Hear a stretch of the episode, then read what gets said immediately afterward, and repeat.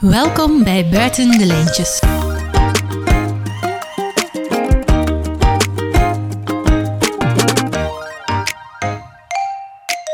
Welkom in de podcast Buiten de Lijntjes, de podcast over kleuteronderwijs in Vlaanderen.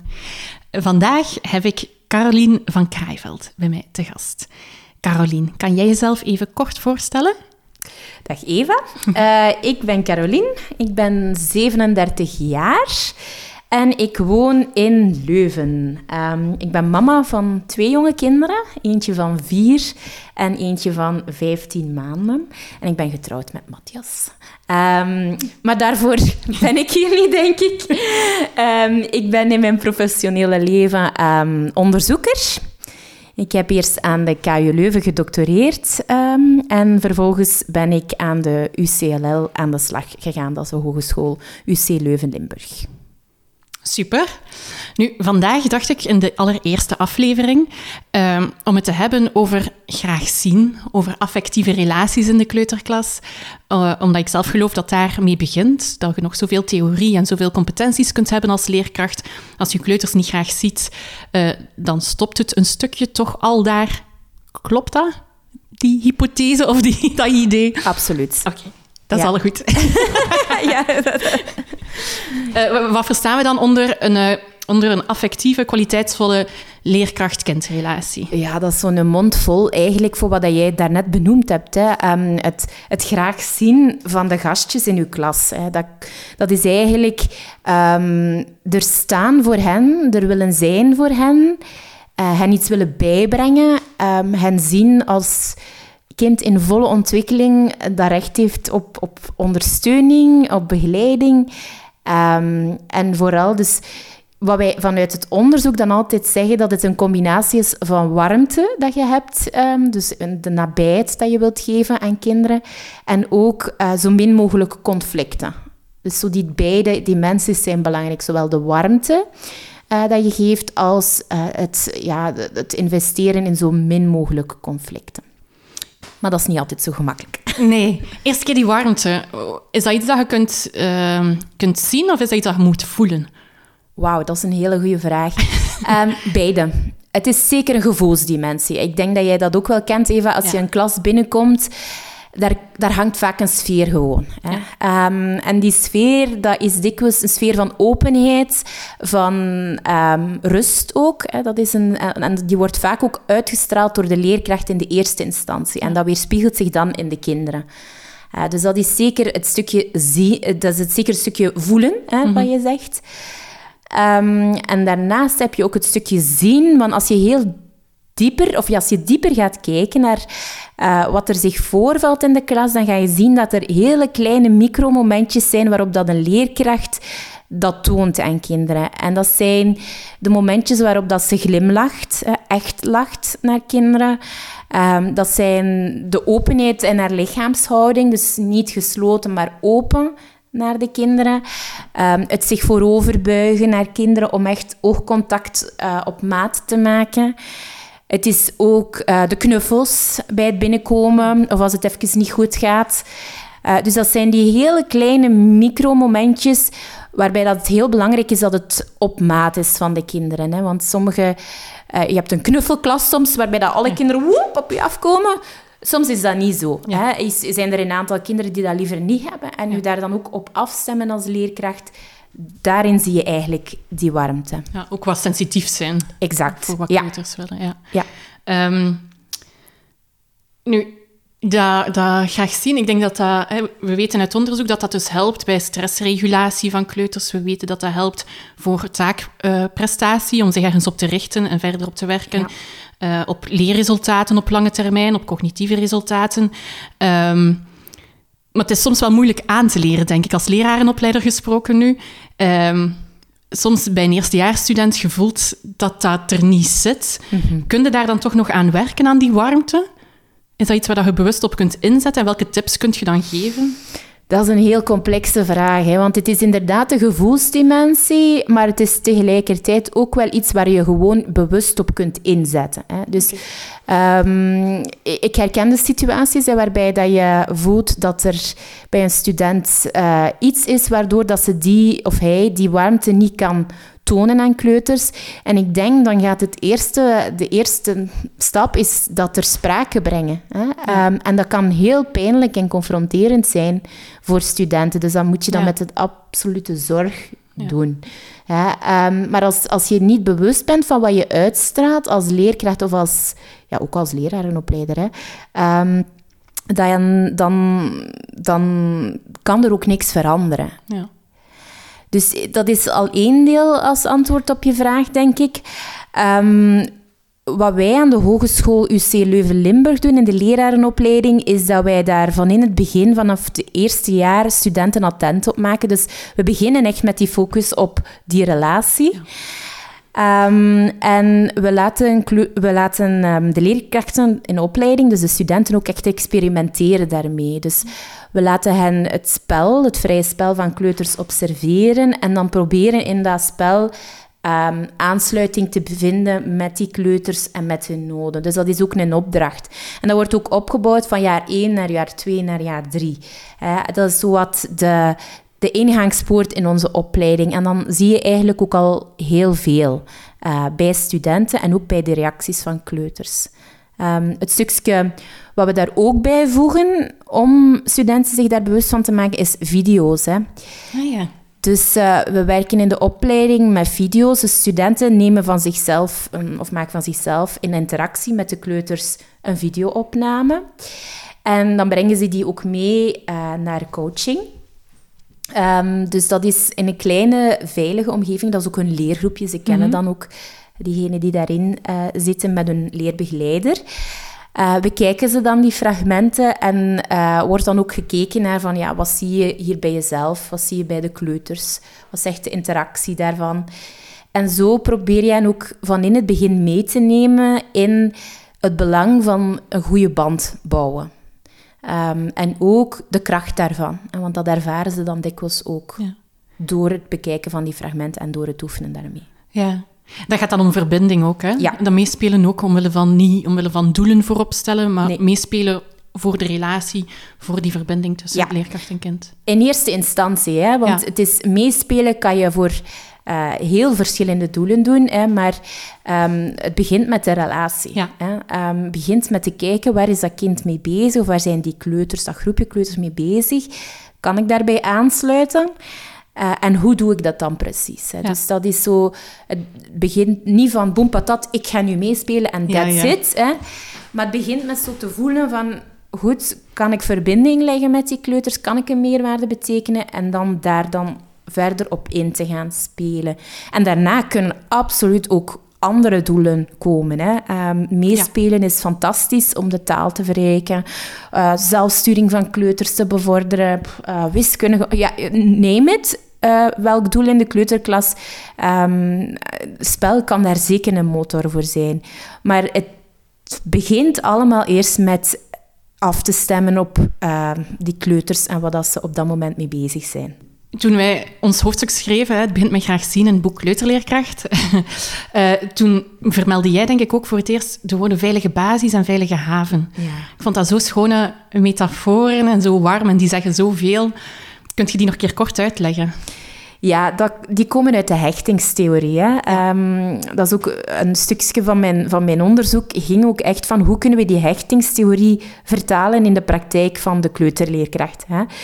Hechtingstheorie, dat gaat ervan uit dus dat kinderen um, belangrijke figuren in hun leven nodig hebben om een band mee op te bouwen en dat ze zo um, ten volle tot bloei kunnen komen. En de eerste figuren bij kinderen zijn meestal de ouders of de pleegouders of de vaste verzorgers. Hè. Um, en daar voelen ze zo ook van, oké, ik mag er zijn... Ik ben hier welkom als dat goed zit, als de hechting goed zit. Dan voelen ze van oké, okay, ik ben graag gezien. Waardoor dat ze ook de durf vinden uh, om de wereld te gaan verkennen. Dus die beide dimensies, vanuit een veilige basis, zoals we zeggen, vanuit het gevoel van ik ben het waard, ik ben een, ik ben een fijn kind eigenlijk, ja. um, voelen ze ook de durf om de wereld te gaan exploreren. Maar natuurlijk, ja, wie met jonge kinderen werkt, uh, de wereld is soms gewoon ook voor hen overweldigend. Of er vinden dingen plaats uh, die, die hen ja, raken. En dan hebben ze ook jou nodig als opvoeder om terug te keren. Dat is dan de veilige having. En dan denk dan aan ehm, ouders die kinderen troosten, wiegen, uh, knuffelen, om ze tot rust te brengen als het niet goed gaat. Nu, die hechtingstheorie werd eerst vanuit Um, ja, dus vanuit de ouder-kindrelatie bekeken. Maar toen waren er ook onderzoekers die zeiden van... Ja, maar kijk eens in, in de klasse. De leerkracht heeft ook die rol, of kan ook die rol aanleren. Ja. En dus gaan we zoeken naar manieren om dat ook wat verder in kaart te brengen. Van, is de leerkracht dezelfde hechtingsfiguur als een ouder? Of hoe kunnen we die leerkracht gaan ondersteunen om die rol op te nemen in de veelheid van andere taken dat ze heeft? Um, en dat stukje is een vertaalslag die de afgelopen 30 jaar is gemaakt in onderzoek, waarbij dat we heel concreet zijn gaan kijken van hoe kunnen we ervoor zorgen dat kinderen leerkrachten als veilige basis ervaren en als veilige haven. Mooi. Mooi uitgelegd. Ja, en ik denk dat dat voor alle kinderen belangrijk is in de kleuterklas, want uh, sommige kleuters zien de leerkracht meer dan hun eigen ouders. Um, maar specifiek ook voor kleuters in kansarmoede hè, weet ik dat, de, dat zij minder vaak een nabije relatie met kleuters... Alleen, minder vaak een nabije relatie is tussen kleuters en leerkracht dan kleuters die niet in kansarmoede opgroeien. Uh, en dat, ja, dat de leerkracht daar net die, die extra stimulans kan bieden die zij nodig hebben. Hè. Ja. ja. En hoe komt het, denk jij, of heb jij een theorie hoe dat komt dat leerkrachten minder... Uh, vaak een band hebben met iemand in kansarmoede? Ja, die stellen hen voor extra uitdagingen. Hè. Ja. Ehm, ik denk vooral dat uh, wat voor kwetsbaarheid ook bij een kind, dat dan de leerkracht het verschil nog meer kan maken. Want klopt wat je zegt, hè, dus voor alle kinderen uh, is, is, het belangrijk om een goede band te ervaren, want zo gaan ze graag naar school. Ehm, leren ze bij en zo verder. Maar voor kinderen met welke kwetsbaarheid dan ook, is het um, neurobiologisch, is het um, moeilijke thuissituatie, is het kansarmoede, dan maakt die leerkracht als die band goed is, een extra verschil. Ja. ja. een positief extra verschil. Um, maar hoe komt het dan dat dat moeilijker verloopt? Ja, kinderen in kansarmoede zijn kinderen die in hun dagelijkse leven vaak extra stress ervaren die kinderen die niet in kansarmoede zijn vaak niet ervaren. Mhm. En dat kan, heel, dat kan je heel breed zien. Hè. Um, dat is vaak minder goede voeding, hè. Um, minder goede huisvesting. Um, zijn vaker ouders die zorgen hebben. Ja, stress, absoluut. Stress. Ja. En die kinderen komen dus vaak toe op school met al een vrij hoofdje vol. Allee, Het hoofd is al redelijk vol. En dan moet er soms niet zoveel gebeuren, waardoor dat die kinderen uh, afhaken of moeilijkheden ondervinden in de relaties met anderen. Hè. Ook die veiligheid niet altijd hebben uh, van het te kunnen exploreren, omdat er gewoon ja, minder ruimte is soms thuis. Hè. Ik, ik, wil niet veralgemenen, want dat varieert dan ook heel sterk. Maar het is wel zo dat die kinderen gewoon met een extra uitdaging in de klas komen. En als leerkracht heb je vaak een groep te managen uh, van ja, 20, 25 mm, kleuters. ja. Um, en ja, is het soms niet evident om je met al die kleuters af te stemmen. En dan zijn de kinderen die er om welke reden dan ook uitspringen, vaak een extra uitdaging. Hè? Ja. ja, dat is ook... Veel leerkrachten of allee, studenten die afstuderen ook zeggen vaak supergoed bedoeld. Ik zie ze allemaal even graag. Maar dat vind ik net een heel gevaarlijke. Hè? Ja. Omdat je dan niet gaat reflecteren over inderdaad waar heb ik een betere band mee en waar niet. Want ja, ze zijn voor mij allemaal hetzelfde. Mhm. Maar we zijn ook allemaal mensen. En mensen hebben soms met iemand een betere klik en met anderen een mindere klik. Dat is zo. En dat praat het natuurlijk ook weer niet goed. Dat betekent niet dat je het zo moet laten. Maar wel net, oké, ik zie ze misschien niet allemaal even graag, maar hoe kunnen we er dan actief aan werken? Maar ook met kleuters in uh, die conflict situaties. Mhm. Ik denk dat met hun ook specifiek dat soms ook moeilijk is om een goede of nabije relatie aan te gaan. Ja. Daar ging uw doctoraat ook een stuk over, denk ik. Dat klopt. Ja. Ehm, bij mijn doctoraat ben ik begonnen met uh, kleuters ja, toen was ons idee van we, gaan, we willen iets doen voor kleuters met, hou je vast voor de term, externaliserend probleemgedrag. en dat wilde dus eigenlijk zeggen gedrag, eh, moeilijk uh, hanteerbaar gedrag dat naar buiten gericht is. Nu vertel ik dat zo. Hè. Ja. Omdat externaliserend probleemgedrag, dan leg je het vooral bij het kind. Hè. Dat is een kind dat um, ja, slaat, schopt, uh, niet luistert. En, dus dat is dat. Terwijl nu spreek ik eerder van moeilijk hanteerbaar gedrag, omdat het vooral een kind is dat in interactie met de omgeving gedrag stelt, waar de omgeving niet altijd zo gemakkelijk mee om kan. En dat trouwens ook voor het kind zelf heel lastig is, want dat vergeten we soms. Ja, ja. Um, dus daar ging mijn doctoraat over van hoe kunnen wij die kinderen ja, helpen in de klas. Want we weten dat kinderen met moeilijk hanteerbaar gedrag, hè, dat die het minder goed doen. Uh, op school, thuis, um, korte, lange termijn. Dus we moeten daar iets voor gaan doen. Um, en dan zijn wij gaan kijken um, naar hoe dat we dat konden doen. En daar, is al, daar was al heel wat voor uh, die kinderen.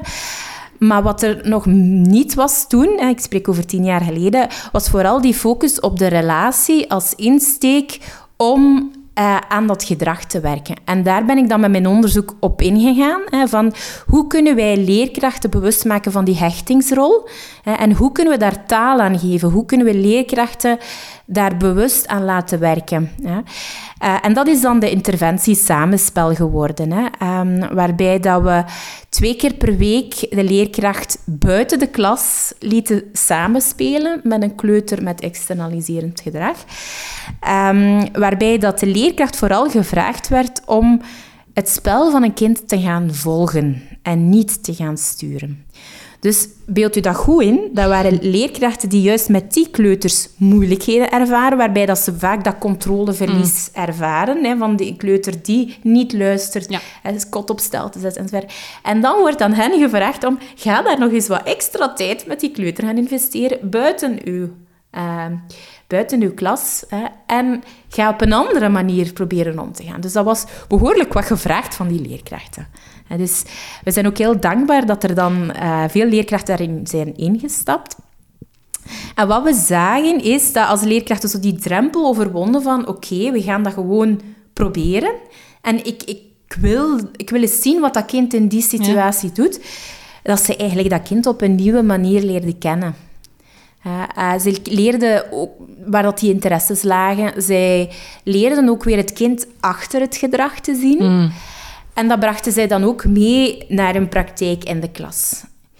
Ehm, dat was het stukje samenspel waarbij dat we eerst op die relatie gingen inspelen, om dan ook in een volgende fase ook wel meer te gaan werken op het gedrag, hè, waarbij dat de leerkracht wel meer de sturende rol weer ging aannemen, ook in spelsituaties.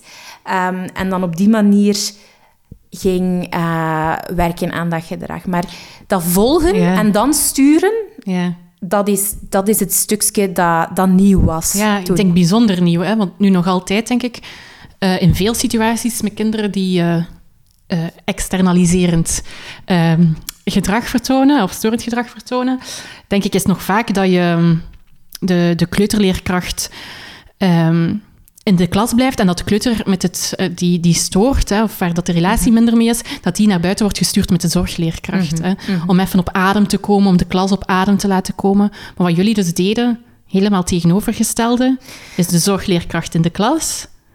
Wel. Denk ik. In, het oorspronkelijke, in het oorspronkelijke onderzoek lieten we dat ook een beetje aan de school um, over van hoe dat ze dat praktisch organiseerden. Ja. Hè.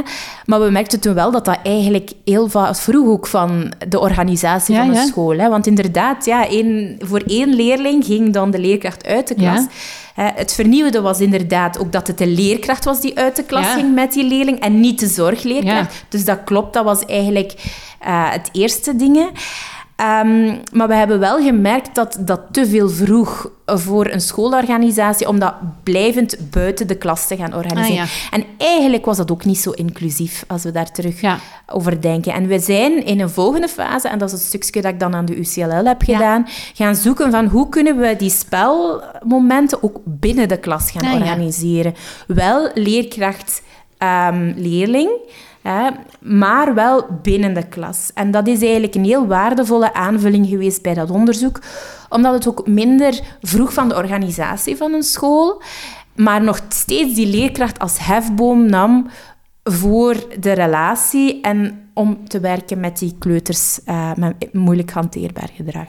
En dan concreet, want ik denk dat er misschien wel kleuterleerkrachten meeluisteren. Hoop ik. Hoop ik. Ja. Hoe, uh, je leert dan aan de 23 andere kleuters leer je aan als de juf en spelen is. Ja. Met, zetten een noot op? Of, ja, of ja, ja, dat ja, soort... ja, dat is allemaal uitgeprobeerd. En iedereen heeft dat ook zo'n beetje naar zijn eigen praktijk aangepast. Maar wat we merkten dat hielp, is dus op de daglijn een symbool te hangen van samenspel dan. Ja. Waar dat, dat heel duidelijk was voor de kleuter in kwestie en voor de klas. Hè, dat dan de juf ging meespelen Ja, met die kleuter. Hè. Dat was één ding. Wat dat ook belangrijk was, is dat de leerkracht daarover in gesprek eerst ging met de kleuter en met de klas, wat er ging gebeuren. Hè. Ehm, dus dat dat niet zomaar iets was dat gedropt werd, maar dat de kleuter ook wist van, ja, mijn juf wil mij eigenlijk beter leren kennen. Dat werd ook zo gezegd. En daarom ga ik met haar samenspelen. Hè. De meeste kleuters waren daar direct, ja, hè, dus die waren Ja, ja. content. Hè. En naar de klas toe werd dat dan ook gekaderd van, kijk, ik ga nu eventjes wat meer tijd met die, jong- met die jongen of dat meisje doorbrengen. En werd dat ook een stukje eh, preventief opgevangen, dat er mogelijk jaloezie zou zijn, Ja. door gewoon ook andere kleuters de kans te geven om mee te komen spelen. Hè, Ah ja, dus het hoeft niet één op één. Nee, het hoeft absoluut niet één op één. Het kan. Hè. De kleuter zelf mocht vaak wel kiezen van... Kijk, ik wil in die hoek of ik wil op, eh, oh, dat doen met jou. Hè. Maar dan werd er ook vaak gevraagd... Zijn er nog kleuters die willen meedoen? Ah ja, oké. En zo eh, was dat ook minder eh, opnieuw exclusief, maar een inclusieve actie. Hè. Ja, mooi. Ja. En dan werd er een tweetal keer per week hè, ehm, zo'n spelsessie georganiseerd, hè, waarbij dat de kleuter telkens het spel kon kiezen en waarbij dat dan de andere kleuters erbij konden. Hè. Ehm, als ze dat willen. Natuurlijk niet allemaal, maar een drietal of een viertal of een tweetal, eh, afhankelijk van de activiteiten. En de andere kleuters wisten dan ook van, ja, op dat moment ga ik nu wel mijn juf niet storen. Ja. Alleen als het dringend is. En dan werden ze op elkaar ook verwezen, zoals dat we, werd er een hoed soms gedragen, eh, of een ketting. Als de juf die ketting aan had, dan wisten ze van, oké, nu even niet. Er werd ook vaak een zandloper gebruikt om te tonen, Ah, ja, vijf minuten, tien minuten, vijftien minuten, afhankelijk Ja. van wat kon. Ehm, waardoor dat, dat moment wel een momentje werd tussen de juf en dat kind die het moeilijk had. En door dat vaak te herhalen, kreeg dat kind ook die zekerheid van...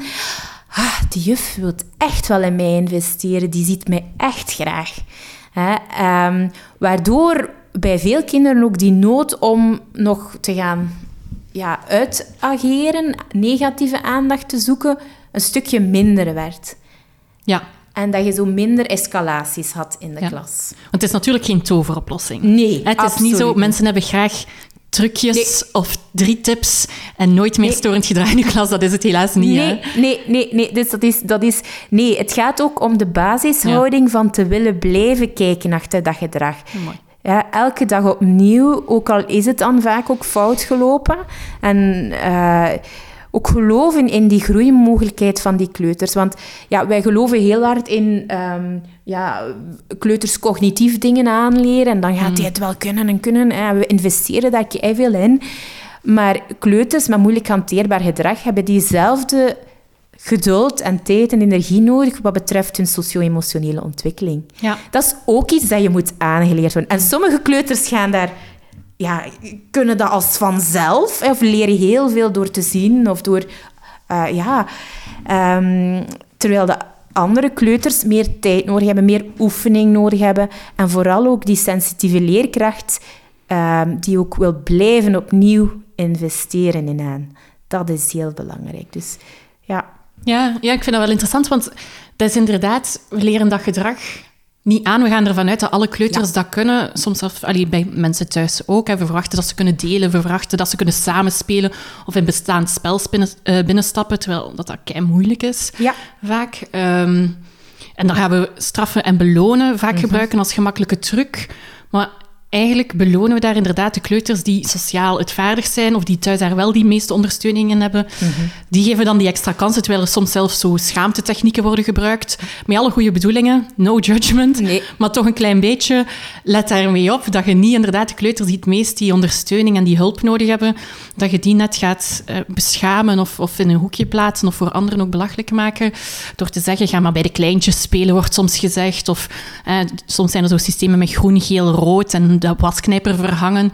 Maar wie hang je altijd als laagste publiek voor iedereen om te zien? Dat zijn kleuters eigenlijk die het meest nood hebben aan inderdaad aan duiding. Waarom delen we? Hoe deel je? Hoe speel je mee? Hoe doe je elk om de beurt? Super moeilijk begrip voor kleuters.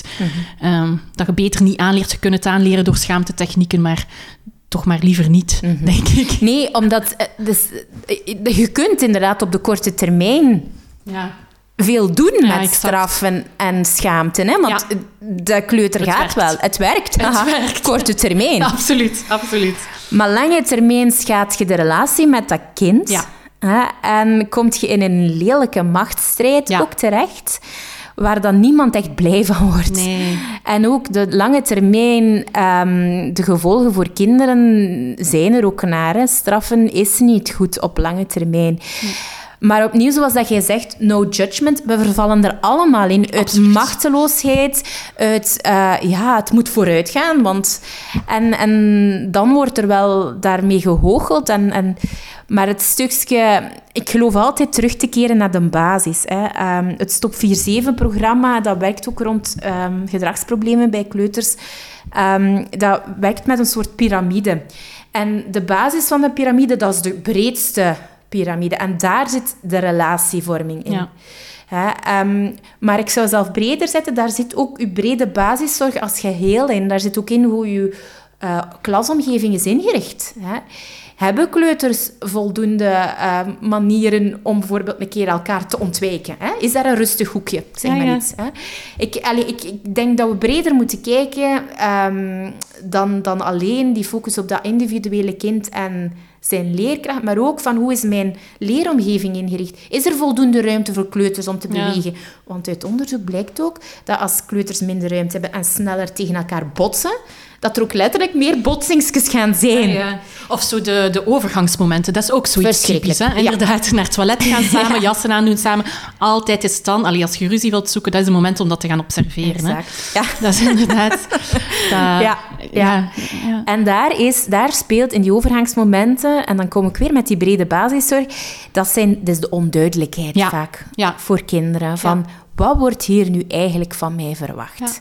Hè, ehm, en, en daar rond duidelijke routines, dat je eventueel ook visualiseert met picto's of, of met zandlopers of wat dan ook, kan zeker voor die kinderen met moeilijk hanteerbaar gedrag het verschil maken. Ja.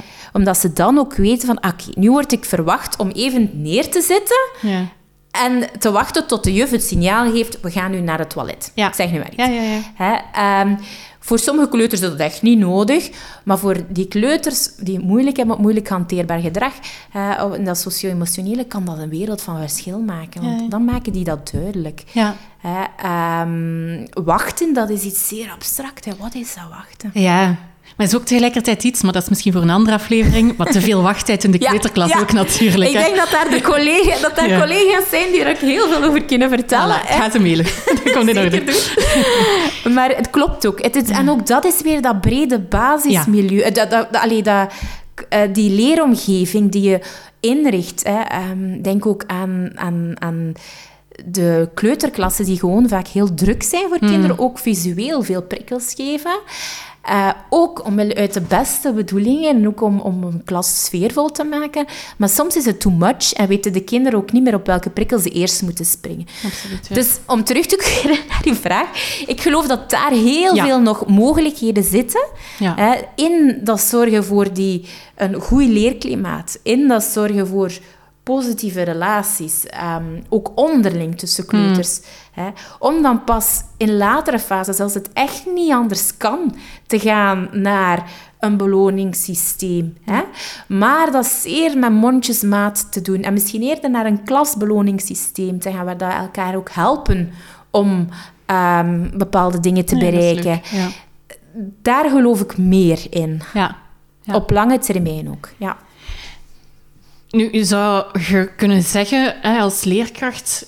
Uh, allee, tien jaar geleden leerden we in de lerarenopleiding nog aan... zo moeten straffen en belonen. Ja. Hè, uh, je moet zorgen dat dat evenwichtig is, dat genoeg straft, en genoeg, allee, vooral genoeg beloont tegenover straffen, dat je er voorzichtig mee bent. En nu stappen we weg van dat straffen meer en meer. Hè. Um, weg. Ik, ik, ik, geloof ook niet, en dat is de slingerbeweging. Hè. We ja. moeten niet alles verguizen dat we ja. hebben gedaan, maar we moeten meer van het andere hebben. Ja. Dat is eigenlijk wat we willen doen. Maar wat leerkrachten als kritiek daarop zouden kunnen geven, je gaat eigenlijk één op één spelen met kleuters die um, hoe noemt het? Externaliserend, ja. hanteerbaar, moeilijk, moeilijk hanteerbaar gedrag. ik moet er nog in oefenen. Die moeilijk, hanteerbaar gedrag uh, tonen. Zeiden ze dan niet aan het verwennen? Gaat het dan niet zorgen dat er nog meer komt? Dat is iets, denk ik, dat je wel al gehoord zult hebben. Absoluut, absoluut. En ik snap ook waar dat, dat vandaan komt. Hè. Dat, is, dat is ook zo van, je gaat dan nog eens extra investeren in die kleuter, hè, die je dan nog eens het bloed onder je nagels en die eigenlijk moet leren om te luisteren. Mm. Uh, maar opnieuw, een kind dat meer nood heeft aan um, stimulans op, op vlak van, van wiskunde, daar gaat je ook meer tijd in gaan investeren. Hè? Ja. En daar gaat je ook meer extra impulsen geven. En Deze kinderen hebben in hun brein heel vaak een extra nood aan liefde en warmte. En dat klinkt soms heel gek, omdat we dat niet gewoon zijn om daarover na te denken. Mm. Maar de neurowetenschappen heeft dat ook bewezen. Die hebben meer nood aan een ondersteunende, sensitieve leerkracht, omdat een brein daar ook meer nood aan heeft. Dus zoals dat de een meer nood heeft aan wiskundige stimulans, of de andere ja, weet ik, ik zeg maar een bril terecht. Ik kijk naar mezelf. Hè. Zonder bril kan ik jou niet goed zien en zou ik ook niet goed kunnen functioneren. Kan ik hier niet mijn voorbereiding goed lezen. hè. Dus dat, dat gaat niet. En dus juist voor die kleuters, dat is hetzelfde, maar op een andere manier. Die kleuters hebben juist die extra stimulans op vlak van dat socio-emotionele nodig. En laat ons heel eerlijk zijn. Je kunt een heel jaar uh, proberen die te manipuleren en te veranderen mhm. en daar helemaal niet blij van worden en gefrustreerd. Of je kunt het eens proberen op een andere manier aan te pakken, waarbij dat je ook gelooft in die groeimogelijkheden van dat kind en de wereld, je wereld kan ook veranderen. Je kijk als leerkracht. Want een van de leerkrachten in ons, in, ons, ehm, in ons onderzoek heeft het ook zo mooi gezegd. Die zei van, door dat te doen, ja, is dat kind een ander kind geworden en ben ik ook een nieuwe leerkracht geworden. En dat wens ik echt elke juf die met het handen in het haar toe, dat wens ik echt elke juf toe. Ja, want dat is natuurlijk, als we het hebben over die kleuters die bloed onder hun nagels halen, jij als leerkracht, allee, ik ben ook leerkracht geweest op het einde van de dag, het is voor u als persoon ook, ook zo inderdaad verschrikkelijk vermoeiend en energievretend en je werkt jezelf richting een burn-out of richting op zijn minst slapeloze nachten. Mhm. Uh, dus inzetten op die relatie inderdaad ook voor u als leerkracht is belangrijk. Hè? Ja, absoluut. En dat blijkt ook uit onderzoek dat uh, leerkrachten die positieve relaties ervaren met kleuters en kinderen in het algemeen, dat die ook zelf met veel meer plezier ja, het naar zal wel. werk gaat. Natuurlijk, ja. hè, dat is evident. maar dat die ook minder kans hebben op een burn-out. Ja, zie je. Dus ook dat relationeel werken is niet alleen voor, de leer, voor, de, voor het kind goed, maar ook voor, voor, voor, voor de klas trouwens ook. Hè.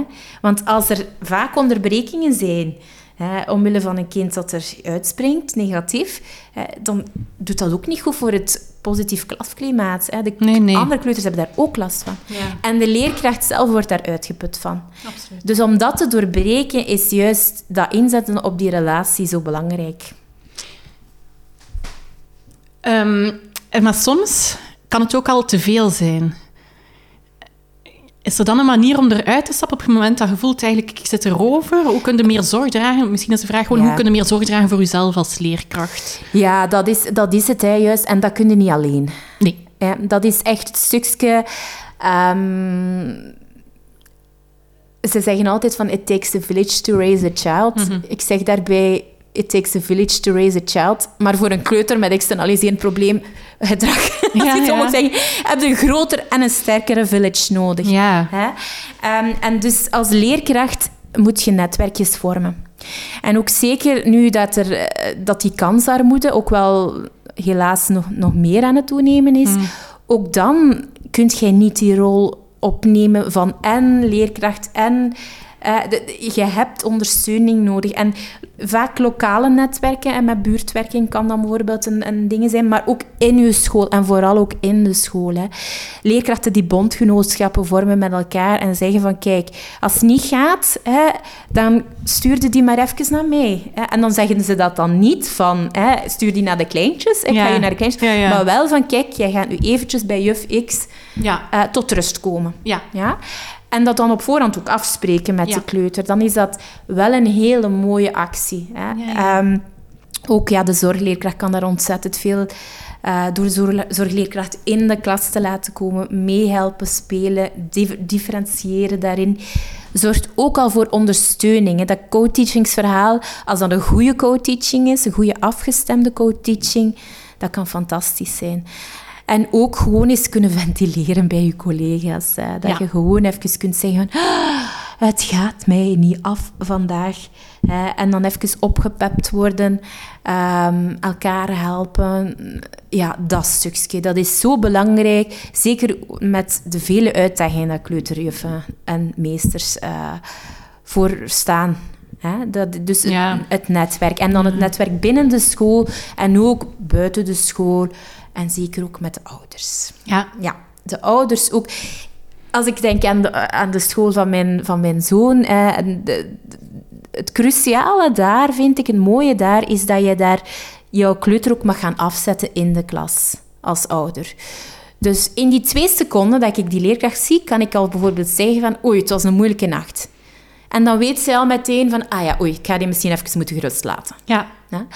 Of ik kan zeggen van ja, we hebben heel veel leuke dingen gedaan, maar ik merk dat, dat het nu wel wat veel is. Ja. Gewoon in die twee minuten. En dan zit de verantwoordelijkheid zowel bij de ouders als bij de leerkrachten. Mhm. Praat met elkaar. Ja, bij ons, bij mijn dochter is dat nu niet het geval. Ja. Eh, ze zijn, eh, eerst was het tot aan de lijn, maar ze hebben het nu opengelaten. Ga maar op de speelplaats, inderdaad. Mhm. Met het idee, je kunt dan toch nog iemand zien. Mhm. En ik merk ook als moeder, want nu sta ik aan de andere kant van de lijn ik snap het als leerkracht dat je zegt, oh, ik heb al zoveel werk, ik wil verder doen. Als ik nog alle ouders moet spreken. Maar ook als moeder merk ik, ook al doet je niets met die informatie als leerkracht, ik heb het gezegd, ik weet dat jij het weet, mijn hart is gerust, ik kan verder met de dag. Terwijl anders is dat inderdaad ja, moeilijk. Hè? En, als leerkracht ook. Hè? Als leerkracht weten zoveel meer. Mensen heeft slecht geslapen. Je gaat het beter kunnen plaatsen, dat gedrag. Hè?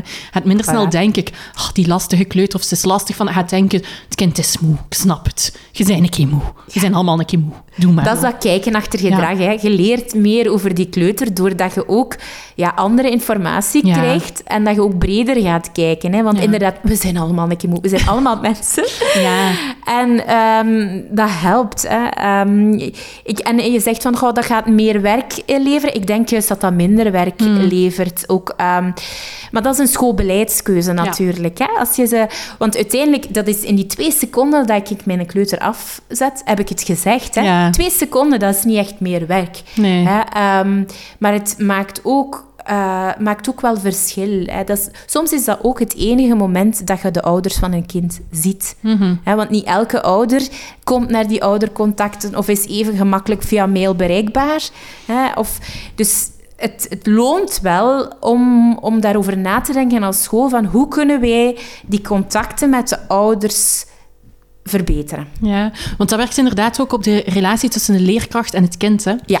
Dat, dat ze zien dat een ouder en de leerkracht twee vertrouwensfiguren, als die elkaar vertrouwen, dan kan ik er ook in vertrouwen. Dat is ook zoiets dat daar werkt. Absoluut, hè? Ja. absoluut. Ja, kinderen die, die lezen de omgeving ongehoord. Hè? Ja. Dus die, die zien ook van als daar ergernis is dus met de leerkracht en de ouder, dan, dan ja, wat, wat moeten ze dan geloven? Hoe moeten ze... Hè? En gewoon als ouder die, um, die geruststelling geven aan een kind van ja, die gaat goed voor je zorgen. Hè? Uh, ja. die, en dat, dat zorgt voor een kind voor rust. Ja, zelfs al is een kniksken of, een, ja, of gewoon een glimlach. Je moet ook niet elke dag nee, iets zeggen zelf. Nee, nee. Ik denk niet dat iedereen dat wil. Nee, ja. dat hoeft ook niet. Maar het is meer dat de, mogelijkheid bestaat. En dan is het de verantwoordelijkheid ook van beide partijen om die te benutten. Ja. Als het nodig is. Of gewoon een klein kniksje. Ja. Ook goed. Ja. Nu, ook netwerk met de collega-leerkrachten vind ik ook heel interessant. Mm -hmm. ja, want... Um, we hadden even gedacht om in ons boek ook een hoofdstuk te schrijven voor nieuwe leerkrachten. En als eerste advies te geven, inderdaad, ga ik een goede koffie halen. Ja. Voor iemand die sympathiek vindt uitzien. En de, hè, want dat is inderdaad ook... En ga naar de, ga naar de, naar de uh, leraarskamer op het moment dat de andere leerkrachten er zijn. Want dat is ook zoiets, elke school heeft daar zijn eigen regels over. Ik heb veel interims gedaan ooit als leerkracht. En dan was het soms uitzoeken, ah, de voormiddag speeltijd zitten de kleuterleerkrachten er. Namiddag is dan een lagere school en wordt verwacht in uw eigen lokaal. Iedereen heeft daar zo zijn impliciete, niet uitgesproken regels. Maar moet die snel leren kennen om inderdaad de goede mensen, de goede ondersteuning te vinden. Hè? Ja, en inderdaad, voor nieuwe leerkrachten is, dat, is dat nog een extra uitdaging. dat zijn zo de ongeschreven regels. En spannend. Spannend, ja, sowieso. Op een nieuwe job, maar in de leraarskamer ook. Hè? Absoluut. Ja. En ik, ik denk zo dat ook daar is die gedeelde verantwoordelijkheid. Hè? Als, als team heet je ook de nieuwkomer welkom. Vertel je dat ook van, hè? dan drinken we koffie, daar. Hè? Uh, en, en ook natuurlijk proactief, degene die in de nieuwe uh, omgeving komt, ook op zoek gaat naar die informele momentjes. Hè, om te leren kennen van hoe doen wij dat, of hoe doen uh, leerkrachten en dan wij dat hier op school. En dat, het loont wel, hè, omdat je dan ook ja, ik, ik zie dat ook in de school waar ik nu onderzoek doe. Ja, die brengen voor elkaar een koffie mee als een een um, middagtoezicht heeft. Hè. Ja. En dat wordt zelfs niet... Dat, dat is niet meer een vraag, ze doen dat gewoon. Of een kom soep, hè, eh, als ze weten dat de andere nog overleg heeft over de middag. Dus... Dat zijn, dat zijn die dingetjes, die kleine dingetjes, waardoor dat je ook als, als team op elkaar ook verhoudt. En dat je ook durft dingen die, want iedereen heeft kinderen met wie het moeilijker loopt. En het klopt wat je ook gezegd hebt. Je kunt niet met iedereen een even goede band uh, opbouwen, maar wel een goed genoegen band. Ja. Een werkrelatie, dat wel. Dat kun je van volwassenen verwachten. Kinderen niet, hè. En kinderen, die moeten dat nog leren. Maar wij als volwassenen, wij hebben wel de taak om te investeren in die relaties. Ja, ja. En dat is ook een stukje die teamzorg als zelfzorg, denk ik, hè, dat je daarin hoort. Hè? Want er wordt vaak gezegd, hè, zelfzorg, hè, je moet geen burn-out. Als je maar, dan zijn er efficiëntieworkshops dat je krijgt als volwassene. Vreselijk. Hoe beter je mailbox beheren. Oh. Terwijl er feitelijk gewoon te veel verwachtingen zijn hè, tegenover het werkend leven. Zonder daar te diep in te gaan, is het inderdaad wel... Um, ja, dat zorgdragen voor elkaar en dat, dat ook bij elkaar zien, denk ik, dat daar wel een wapen tegen kan zijn dat, dat helpt om daardoor te komen. Ja, en wat we, wat we doen als collega's met elkaar is eigenlijk ook wat we willen spiegelen naar de kleuters ja, toe. Hè. Mooi. En dat is ook het stukje dat we, dat we willen. Hè? Ja. Um, dat zij dat ook leren, ook zorgzaam zijn met elkaar. Als wij dat dan als collega's niet doen, ja, dan, dan geven we ook niet het goede voorbeeld. Hè? En dan nog, ik vraag me nog af, ik, ik, ik ben ermee akkoord hè, dat je moet kunnen luchten bij je collega's. Dat doe ik ook wel. Maar tegelijkertijd is daar het gevaar van zo'n toxische leraarskamer, denk ik. Waarbij dat we heel negatief over kinderen gaan praten. Die gaan dan volgend jaar bij de volgende leerkracht die nu al weet, dat is een lastige. Zo, ik vind dat soms wel wat moeilijk en schipperend tussen voldoende informatie geven en ook je hart luchten. En tegelijkertijd ook ja, die professionaliteit daar zo wat in houden. Dat is een hele moeilijke. Hè? Want het, inderdaad, soms heb je het nodig om gewoon even af te lopen over hoe dat dus gelopen is. Maar dan geef ik altijd als tip van, stel je bent je professionaliteit een beetje verloren, probeer dan ook zo snel mogelijk ook dat te counteren en ook positieve dingen over dat kind te gaan vertellen. dus, of ook die kleine groeimomentjes. dat is mooi. Zo, ja, want we zijn allemaal mensen. En we hebben ook soms ook nood om even ja, gewoon de frustraties te uiten. Hoe dat je die uit, dat is al één ding. Hè. Je kunt vreselijke vloekwoorden gebruiken om over een kind te spreken. Of je kunt zeggen van, oh, het is echt in een dag niet en ik word er zot van. Dat is al een ander verhaal. Hè? Uh, maar ook, ook dan is het ook die kleine groeimomentjes, zoek die ook voor jezelf. Van mm. waarop dat je ziet van, nu is dit wel goed gelukt. En wat heeft daarbij geholpen? En vertel die ook aan je collega's. Zo van, ah ja, oké, ja, nu heb ik die zandloper boven gehaald. Gaat meneertje nu wel niet eens perfect uh, gaan opruimen nadat die zand... Dat is toch ongelooflijk? Hè? Ik vond dat knap. Ja. En nu ga ik dat zelf... Dus ook dat stukje dat je ook naar je collega's brengt, zodanig dat kinderen niet van jongs af aan een negatieve reputatie krijgen. Ja, ja. Hè? Want dat is, dat is ook wat we zien gebeuren in de praktijk en dat is zo jammer, want uiteindelijk zijn zij ook mens in wording mhm. hè? en hebben ze moeilijkheden en uitdagingen. Uh, maar vertel vooral aan je collega's ook wat dat gewerkt heeft. Um, in omgang met kinderen die het moeilijk hebben. Ja, ik denk dat dat voor beiden ook wel kan werken. Hè? Zowel Mhm. voor de collega's dan, maar ook voor jezelf. Dat goede benoemen en Ja. uitspreken. Niet alleen Ja. denken, maar ook dat uitspreken. Ja. Dat geeft u soms ook al spontaan meer energie, denk ik. Allee, of, of- Absoluut. We focussen soms te veel op dat negatieve, omdat dat onze aandacht trekt. Maar dat is onterecht. En naast het negatieve staan ook de kleine stapjes dat je vooruit gaat. En die vieren. Ja. Ook jezelf, als het niet... Want natuurlijk, het is niet allemaal happy joy joy. Hè. Sommige mensen werken ook in een school waar het team niet altijd zo goed functioneert. Hè. Die mocht je ook bij jezelf erkennen. Hè. Van kijk, ik heb dit hier nu wel bereikt met die kleuter. En ook al is dat maar klein, dat is wel een stap vooruit voor dat kind. Hè? En hoe kan ik dat morgen verder gaan zetten? Dus dat, het, gaat ook, het gaat zowel de combinatie van naar het netwerkje van dat kind toe, de positieve dingen Ja. benoemen, naar de ouders dan een positieve ding, eh, kind, maar ook naar, ehm, naar de collega's en ook naar jezelf. Van, amai, dat heb ik toch wel echt goed aangepakt. En ik ben zo trots op mezelf dat ik... Hè, benoem dat ook maar. En terecht. Ja, heel mooi. Ja, ik geloof daar ook echt, echt in. Ik heb dat ook gezien in de praktijk dat dat werkt. Dan denk ik dat we met die mooie woorden gaan afsluiten. heel erg bedankt, Caroline. Ik vond het echt eh, heel inspirerend en gezellig. Ja, dankjewel ook om, om, om het hier te mogen vertellen. Ehm, ja, ik, ik, ik zie prachtige dingen in de praktijk en ik hoop alleen maar dat leerkrachten ook eh, bij zichzelf dat mogen ervaren wat voor verschil dat ze kunnen maken. Dat dat geen boetade is, maar dat is de realiteit. Dat is echt waar. Dankjewel. Graag gedaan.